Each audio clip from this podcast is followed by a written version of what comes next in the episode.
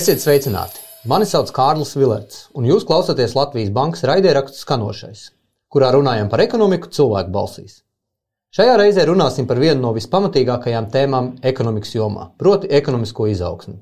Mans sarunas biedrs šoreiz ir neviens cits kā Latvijas Bankas prezidents Mārtiņš Kazāks. Pirms pāris nedēļām Latvijas Bankas rīkotās konferences nosaukums bija Recepte ekonomikas izaugsmē. Turpinot analoģiju ar ēdienu. Kāpēc mums ir nepieciešams ēdiens, ir visai skaidrs, bet kāpēc mums vispār ir nepieciešama ekonomiska izaugsme? Raugoties no centrālās bankas puses, manuprāt, šeit ir divi ļoti būtiski faktori. Pirmkārt, monetārā politika, lai noteiktu atbilstošu un ekonomikai pareizu procentu likumu līmeni, ir nepieciešams zināt, cik strauji ekonomika aug, cik strauji ir produktivitātes kāpums. Tas lielā mērā arī ietekmē šo nepieciešamo procentu likumu līmeni. Otra lieta, nu, ļoti cilvēcīga. Mēs visi dzīvojam Latvijā. Mēs gribam, lai Latvija ir bagāta un pārtikus valsts, un šādas diskusijas ir Latvijas bankas devums tiešām rast risinājumus, kā Latvijas ekonomika var augt straujāk un iedzīvotāju dzīves līmenis var būt krietni, krietni labāks.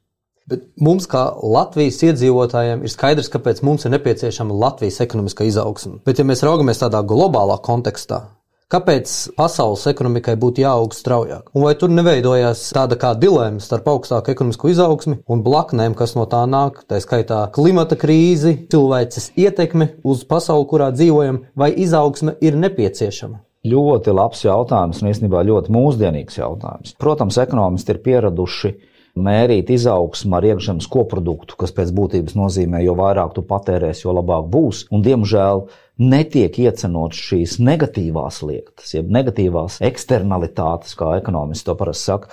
Un šīs lietas ir jāņem vērā. Ekonomikas izaugsme nevar būt ilgstoši strauja, ja tā nav ilgspējīga. Un tāpēc gan klimata pārmaiņas, gan vidas daudzveidības problēmas ir viennozīmīgi jāņem vērā. Patērēt vairāk nu dienu nenozīmē patērēt gudri. Ir jārunā ne tikai par to, cik strauji aug ekonomika, bet arī, protams, kā ekonomika aug un vai mēs nepārtērējam to zemes resursu, kas šajā brīdī mums ir pieejams. Un, diemžēl mēs skatāmies uz pēdējiem nu, 50, 100 gadiem. Mēs esam ļoti, ļoti strauji sākuši noēst šo vidas resursu, un tas uh, viennozīmīgi apdraud ekonomikas izaugsmu nākotnē. Tas apdraud iedzīvotāju labklājību. Uh, klimata pārmaiņas ietekmēs nākošās paudzes krietni vairāk nekā līdz šim, un tas nāks ar mīnuszīmi.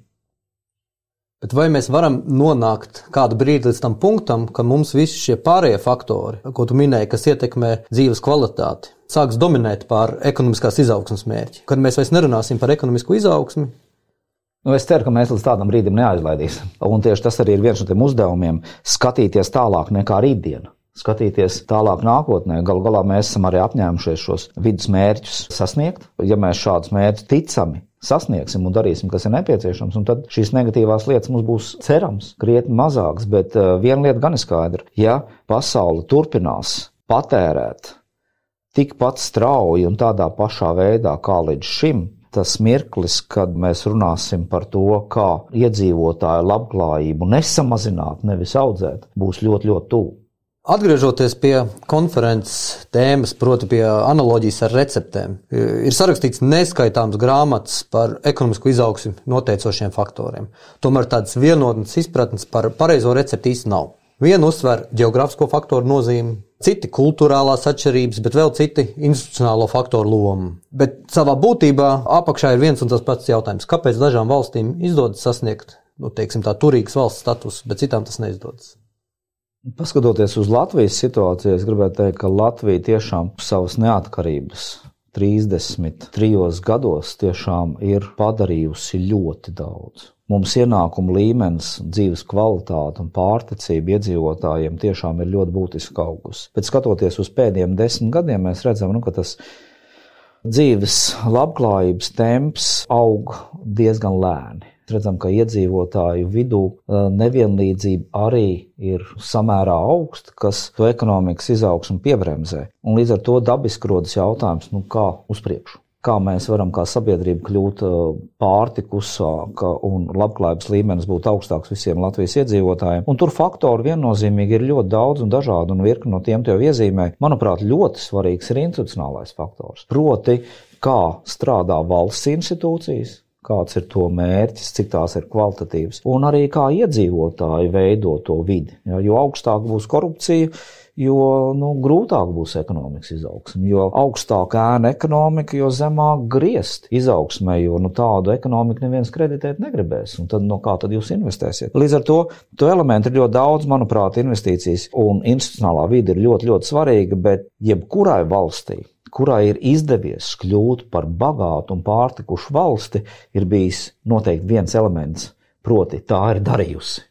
Latvija ir izstrādājusi ļoti daudz dažādus plānus, stratēģijas, bet eh, ļoti daudz no tā, kas nav realizēts. Līdz ar to, manuprāt, viens no tiem secinājumiem, kas ļoti skaidri izskanēja šajā konferencē, bija tas, ka lietas vienkārši ir jādara. Tie plāni ir jāīsteno. Ja mēs īstenojot plānus, redzēsim, ka tie nav pareizi, to vienmēr varēs mainīt. Bet uh, vienkārši uzrakstīt plānu nolikt to plauktiņā, protams, nekādu labklājību nevienam nevairos. Nebaidamies un daram. Ja kaut ko varēs uzlabot, uzlabosim. Bet galvenais ir tiešām neapstāties pusceļā un droši doties uz priekšu. Mēs paskatāmies tādā garākā vēstures periodā, nav pārāk daudz valstis, kurām būtu izdevies tikt nu, no tādas nabadzīgas vai vidēji ienākumu valsts par turīgu valsti. Ir pāris valsts Āzijā, var diskutēt varbūt arī Amerikas Savienotās valstis, ka tās tika izveidotas nu, no salīdzinoši mazatīstītas ekonomikas, diezgan strauji kļuva par vienu no pasaules vadošo ekonomiku. Kāpēc tas ir tik grūti sasniedzams? Kāpēc kļūt no vidēji turīgas valsts par turīgu valsti ir ārkārtīgi sarežģīti? Tāpēc, ka tur ir ļoti daudz dažādu uh, elementu, kas to veiksim vai neveiksim, var noteikt. Nu, mēs skatāmies uz Latvijas diskusiju. Tad, manuprāt, ir virkni lietu, kas mums noteikti ir jāņem vērā, skatoties, kā Latvija veidos savu nākotnes izaugsmu. Viena no lietām - demogrāfija. Iedzīvotāji kļūst vecāki, to skaits samazinās. Otra lieta ir ģeopolitiskā situācija mainās. Mēs zinām, kas ir mūsu kaimiņš, līdz ar to mums vairāk ir jāiegulda drošībā un aizsardzībā, kas ir absolūti nepieciešama. Ko Latvijai vajadzētu darīt? Nu, mums viennozīmīgi mēs sen zinām, ka vienīgais resurs pēc būtības, kas mums ir, ir iedzīvotāji. Līdz ar to, manuprāt, ļoti svarīgi ir iedzīvotāju gan veselība, gan iedzīvotāju izglītība. Cilvēkam galu galā uz darbu ir jāiet, un viņam ir jāzina, ko darīt. Un ar šīm reformām tiešām mēs skatoties uz pēdējiem 10, 20 gadiem, nu, Latvijai nav īpaši veicies. Skatoties uz vidējo darba spējas vecumu vai veselīgiem dzīves gadiem, vīriešiem tas ir zemākais Eiropas Savienībā. 60 gadu vecumā viņam varbūtība mirt ir divreiz augstāka nekā Eiropas Savienībā vidēji. Un tas ir vēl pirms pensijas vecuma. Šādas lietas ir ļoti svarīgi izglītība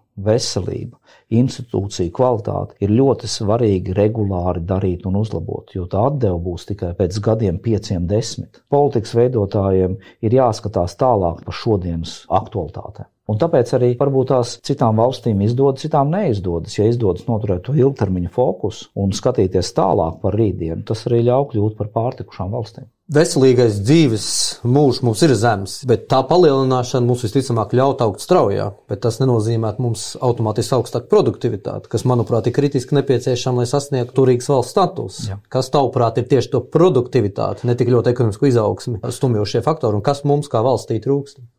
Izglītība viennozīmīgi viena no lietām, paskatāmies uz Latvijas situāciju. Vēl kādus desmit gadus atpakaļ bija mērķis Latvijas augstskolai būt top 100 augstskolu sarakstā pasaulē. Cik tas bija iespējams mērķis, nu visticamāk nebija iespējams. Bet, ja mēs skatāmies pašreizajā brīdī, tad jaunākie mērījumi rāda, ka neviena no Latvijas augstskolām nav pat pirmajā tūkstotī. Tas, diemžēl, lielā mērā raksturo arī to inovāciju kvalitāti, uz ko mēs specializējamies, kā mēs veidojam to nākotnes darba spēku kā valsts. Manuprāt, šī ir tā lieta, kur Latvija viennozīmīgi var iegūt vairāk, piemēram, tas pats STEM zinātņu beidzēju īpatsvars. Mācāmies vairāk dabas zinātnes, tehnoloģiskas dažādas lietas, kas nākotnē iedzīvotājiem ļaus būt ražīgākiem. Vēl viena ļoti būtiska pārmaiņa, līdzīgi kā digitalizācija pārdesmit gadus atpakaļ, datora izmantošana ikdienā, ir mākslīgais intelekts. Kā mēs tiekam laikam līdzi. Mākslīgais intelekts, protams, radīs milzīgas iespējas. Vai mēs tās mācīsim izmantot, un tikai tad, ja iedzīvotājiem būs prasmes to izmantot. Daudzos gadījumos šīs lietas, nu, tā virsraksta līmenī ir ļoti vienkāršas. Vesels cilvēks ar labām prasmēm. Kā to tīri praktiski sasniegt, ir ļoti daudz dažādu variantu. Tāpēc arī vienas unikālas receptes visā pasaulē nav. Katra valsts mēģina kaut ko savu, dažiem sanāk, dažiem nesanāk. Manuprāt, tiem, kuru institūcijas ir kvalitatīvāks, tie, kur šīs lietas dara ilgāku laika posmu, tiem arī lielāks iespējas labāk dzīves kvalitāti sasniegt. Turpinot par mākslīgo intelektu. Daži saka, ka pašlaik mēs piedzīvojam jaunu tehnoloģiju inovāciju vilni, ja, tieši mākslīgā intelekta formā, kas pēc būtības ir pielīdzināms savulaik tvaika dzinēja izgudrošanai vai elektrības izgudrošanai un ieviešanai ražošanas procesos un, un cilvēku ikdienā. Jāsaka, ka, diemžēl, Eiropa šajā frontē, mēs domājam par mākslīgo intelektu, izskatās gaužām vāji. Kāpēc mums nav šīs tehnoloģijas superzvaigznes, kuras mēs redzam ASV, aizvien vairāk Ķīnā un citvietā pasaulē? Es gribētu teikt, ka šis ir viens no tiem zemāk pieejamiem augļiem, jā, vai angļuiski sakot, low hanging fruits, ko Eiropa nav spējusi izmantot, un tā ir uh, Eiropas fragmentācija. Mums ir juridiski, regulatoriski un tirgus ziņā dažādos ierobežojumos dzīvojoša fragmentēta ekonomika. ASV gan darba spēka mobilitāte, gan uzņēmumu mobilitāte ir krietni, krietni augstāka. Viņiem ir lielāks mērogs. Viņi var šīs lietas ieviest krietni vienkāršāk. Mums, diemžēl, šī sadrumstalotība un saskaldītība Eiropas ietvaros traucē. Mazināt šādu fragmentāciju viennozīmīgi ir gan Eiropas lielo, gan es teiktu, jo īpaši mazo valstu interesēs, jo mums savu globālu kompāniju mazā tirgu izaudzēt ir krietni grūtāk nekā, piemēram, Francijai vai Vācijai, kur tas vietējais tirgus un tas juridiskais regulējums attiec uz krietni lielāku tirgu. Otra lieta - arī finanšu tirgus loma, manuprāt, ir ļoti svarīga. Eiropā galvenokārt dominē bankas. Finansēt lielu globālu uzņēmumu vienai bankai ir ļoti grūti. Tas nozīmē, ka tur ir nepieciešams dažādas citas sadarbības formas, tur indicēt kredītu un tā tālāk. Savukārt kapitāla tirgi to var mierīgi izdarīt. Eiropā kapitāla tirga attīstība ir krietni, krietni vājāka. Un, ja mēs skatāmies uz Latviju, nu, tad uh, es ļoti atvainojos, bet uh, Latvijā kapitāla tirgu ir vēl mazāk kapitāla tirgu iesaiste ekonomikā ir minimāla. Un tur viennozīmīgi eh, vienīgais ceļš ir augšu, attīstīt alternatīvas finanšu tirgus, lai ir konkurence bankām kapitāla piesaistīšanai. Ir ļoti svarīgs mērķis. Tas arī palīdzēs mūsu uzņēmumiem kļūt konkurētspējīgākiem. Jo ne visu finansē bankas, un ne visu var nofinansēt bankas. Viens no pretargumentiem tālākai Eiropas integrācijai un fragmentācijas mazināšanai saistās ar to, ka atšķirīgi no ASV mēs tomēr esam 27 suverēnas valsts ar, ar savām, tā var teikt, nacionālām interesēm, savu valodu un tā tālāk. Vai tālāka integrācija nenozīmē suverenitātes pazaudēšanu un uh, varbūt savu nacionālo interesu upurēšanu? Es nedomāju, ka tas saistās ar nacionālo interesu upurēšanu. Latvija ir nacionāla valsts. Latvija ir valsts, kur mēs kopjam latviešu kultūru, kur runā latviešu, un, manuprāt, krietni lielāka iespēja saglabāt šo latviešu kultūru un latviešu valodu ir tad, ja latvieši ir bagāti. Ja latvieši būs nabadzīgi, viņi aizbrauks un asimilēsies. Es pretrunu šeit no dienu neredzu. Latvijas nākotne ir bagāts, pārticis, gudrs, izglītots un vesels latviečs. Spēcīga Latvija nozīmē spēcīgu Eiropu, un savukārt spēcīga Eiropa ir arī spēcīgas Latvijas pamats un iespēja. Kaut vai no ģeopolitiskā viedokļa skatoties.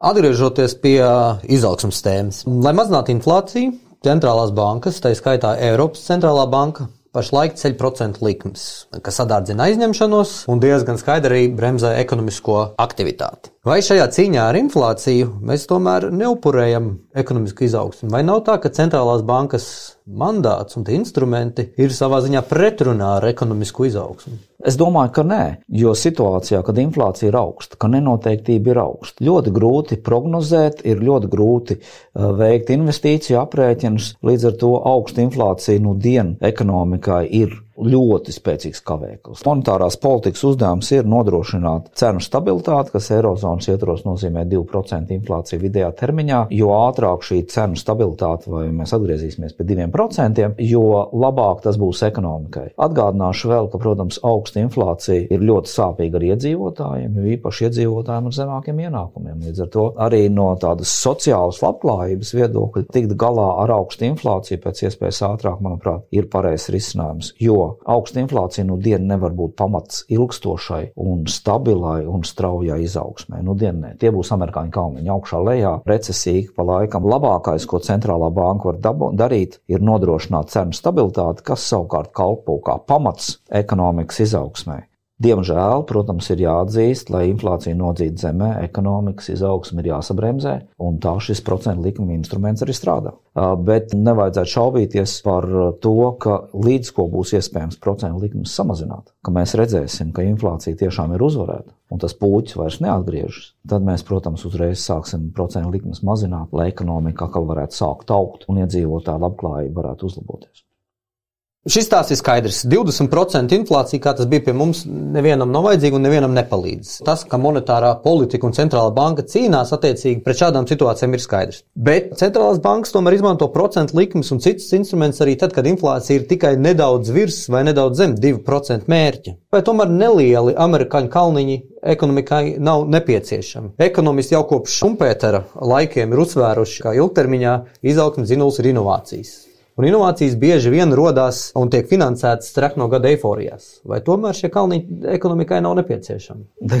No visa kā var būt kaut kāds labums. Protams, tajā brīdī, kad naudas ir daudz un tā ir lēta, tad izdomā kaut kādas lietas, un daļa no tā varbūt nākotnē arī noder. Bet tajā pašā laikā pēc ļoti augstas inflācijas parasti, lai to sabremzētu ekonomiku, jāiedzen ļoti, ļoti straujā sabremzēšanās stāvoklī. Un ko tas nozīmē? Piemēram, ja ekonomikā ir dziļa recesija, tas nozīmē, ka bezdarbs ir augsts, un tam savukārt ir tendence šīm rētām saglabāties ļoti ilgu laiku. Cilvēki zaudē darbu, viņi zaudē prasmes, daudz no viņiem darba tirgū tā neatgriežas, nevienlīdzība pieaug, dzīves kvalitāte samazinās un tā tālāk. Un tā tālāk. Gan viļņu virsotnē, gan viļņu dziļākajā punktā ir dažādas iespējas, bet kopumā tie zaudējumi šķiet, ka ir krietni lielāki no tiem kritumiem nekā tie ieguvumi no tādas pārlieku lielas optimismu situācijas. Monetārai politikai tas uzdevums ir tiešām nodrošināt stabilitāti, lai tā situācija prognozējama cenu ziņā, lai inflācija ir mērena un nekavē ne iedzīvotāju ne uzņēmumu investīciju plānus, arī valdību investīciju plānus. Bet eh, nevajag aizmirst, ka monetārā politika no dienas nav vienīgā politika. Ir vesela virkne citu politiku, tāpat fiskālā politika, nodokļu politika, jo īpaši struktūrālā politika. Tas, ko tu sākotnēji prasīji, proti, kā augt straujāk, monetārā politika nodrošina to prognozējumību. Ja cenas ir stabilas, ja, ja inflācija ir stabila, bet monetārā politika nevarēs radīt strauju ekonomikas izaugsmu vai iedzīvotāju labklājības uzlabošanos. Tas darbs ir darāms citām politikām, un jo īpaši struktūrālajām politikām. Iedzīvotāju veselība, kā jau minēju, iedzīvotāju prasmes, izglītība, institūcija kvalitāte. Runājot par augstākām procentu likmēm, viens no ieguvējiem no tām šobrīd ir banku sektors, kā peļņa šogad būs visai ievērojama. Līdz ar to virknē valstu tiek ieviesti vai tiek diskutēts par dažādiem risinājumiem, vai tie ir virspeļņas nodokļi, kredītbrīvības un citi dažne dažādi risinājumi. Un arī Latvijas Bankas konferencē bijušais Zviedrijas finanšu ministrs izteicās, ka Latvijai, ja tā pozicionē sev kā Ziemeļa Eiropas valsti, šādas mērs ieviest nevajadzētu. Turklāt viņš arī teica, ka Zviedru nodokļu maksātāji, kas Baltijas bankas un Latvijas bankas ir glābuši finanšu krīzes laikā, šādu soli nesaprastu. Ko viņš domāja ar šiem izteikumiem? To, ko viņš precīzi domāja, protams, ir jāprasa uh, Borga kungam pašam, bet es savu viedokli paudu jau konferencē, manuprāt, ļoti skaidri. Proti, Latvija nevienam neko nav parādā. Iepriekšējās divas krīzes, gan uh, AML krīze 18. gadā, gan uh, dziļā recesija pēc 8. gada ekonomikas krituma, Latvijas ekonomikai un iedzīvotājiem bija ļoti sāpīgi. Līdz ar to šajā brīdī kaut ko teikt, ka kāds ir glābis un līdz ar to var mm, pēc tam pelnīt, cik ienāk prātā, manuprāt, ir absolūti nekorekti. Šeit Latvija nekam un nevienam nav parādā, un līdz ar to šeit gan es skatītos vairāk uz priekšu un mudinātu nevis meklēt, kurš kurā brīdī ko ir zaudējis, bet saprast, ka sadarbība ir nepieciešama, lai nākotnē situācija būtu krietni labāka. Ja mēs skatāmies uz Latvijas finanšu sektoru, tad peļņas kāpums gan šogad, gan nākamgad tiešām ir ļoti strauji. Nevis tāpēc, ka komercbankas būtu izdarījušas kaut ko ļoti unikālu, bet lielā mērā tāpēc, ka procentu likums Eiropas centrālā banka ir cēlusi ļoti strauji, lai bremzētu inflāciju. Un savukārt komercbankas ir ieguvušas lielākus ienākumus dēļ tā, ka kredītu cena ir pārcenosies ļoti ātri. Savukārt depozītu cena ir augusi krietni lēnāk. Un līdz ar to bankas uz šo starpību ir spējuši tiešām ļoti būtiski palielināt savu peļņu. Kas valstī šajā gadījumā būtu jādara? Mans viedoklis ir sekojošs. Pirmkārt, Finanšu ministrijas piedāvātais uzņēmuma ienākuma nodoklis 20% apmērā uz banku peļņu ir absolūti atbalstāms. Un tam būtu jābūt pastāvīgam risinājumam. Otrs solis, protams, bankām, manuprāt, joprojām ir iespēja nākt pretim saviem klientiem un dalīties īstermiņā ar šo peļņu. Līdz šim banku soļi ir bijuši ļoti nu, maziņi, vairāk tāda tipināšana, un es gaidītu viennozīmīgi krietni plašākus soļus pretim saviem klientiem, atbalstot tos. Ja bankas to nedarīs, tad, manuprāt, ir uh, iespējams un atbalstāms, ka valsts arī uz gadu vai diviem ievieš papildu maksājumu bankām, ko tad izmantot gan kredītņēmēja aizsardzībai, kur tas ir nepieciešams, un šai aizsardzībai tiešām būtu jābūt mērķētai pa tiem klientiem, kuriem procentu likuma kāpums ir bijis īpaši sāpīgs. Un otrs tērēt arī uz vajadzībām, kas valstī ir nepieciešams papildus tam. Piemēram, tā pati drošība, tā pati izglītība, veselība vai kas cits, kas ir valsts budžeta prioritātēs ielikts. Virzoties prom no banku sektora, bet paliekot pie jautājuma, ko darīt, un pie reizes arī noslēdzot šo sarunu. Kas ir tās galvenās atziņas no Latvijas Bankas konferences, ko darīt ar ekonomisko izaugsmu? Diemžēl nav vienas noteiktas unikālas receptes, kas palīdzētu kļūt par tiešām bagātu un pārtikušu valsti. Daudzos gadījumos tas ir vienkārši darīt darīt, iet uz priekšu, mēģināt censties, ja kaut kas nesanāk, celties kājās un iet atkal uz priekšu. Ar šo konferenci diskusija par Latvijas ekonomikas izaugsmu nu dienu nebeigsies. Šeit ir monētas divas puses. Viena lieta, ko noteikti darīsim, par to runāsim ar pāriem lēmumu pieņēmējiem, politikas veidotājiem, investoriem, uzņēmumiem, iedzīvotājiem. Runāsim publiski, jo tas ir svarīgi visiem un visu iesaisti ir ļoti svarīgi. Bet ir viennozīmīgi lietas, ko nu gan nevajag darīt, ko mēs zinām, kas nebūs. Un viena no tām ir naiva cerība, ka iz izdarot kaut ko šodien, rīt viss radikāli mainīsies. Manuprāt, viena no lietām, ko nedrīkst darīt, ir pazaudēt nākotnes redzējumu, pazaudēt fokusu un skatīties tālākā rītdienā. Vajag īstenot lietas un saprast, ka šīm struktūrālajām lietām atdeve būs tikai pēc gadiem, pieciem vai desmit. Bet, ja mēs šodien to kā valsts nedarīsim, tad pēc pieciem un desmit gadiem nekā arī nebūs. Es domāju, ka ar mums atvēlēto laiku, lai tā kārtīgi iztirzātu šo jautājumu, ir krietni pa maz. Līdz ar to Pie šīs tēmas mēs noteikti atgriezīsimies gan ar tevi, gan noteikti arī ar citiem sarunbiedriem. Es teikšu tev paldies par sarunu un uz tikšanos!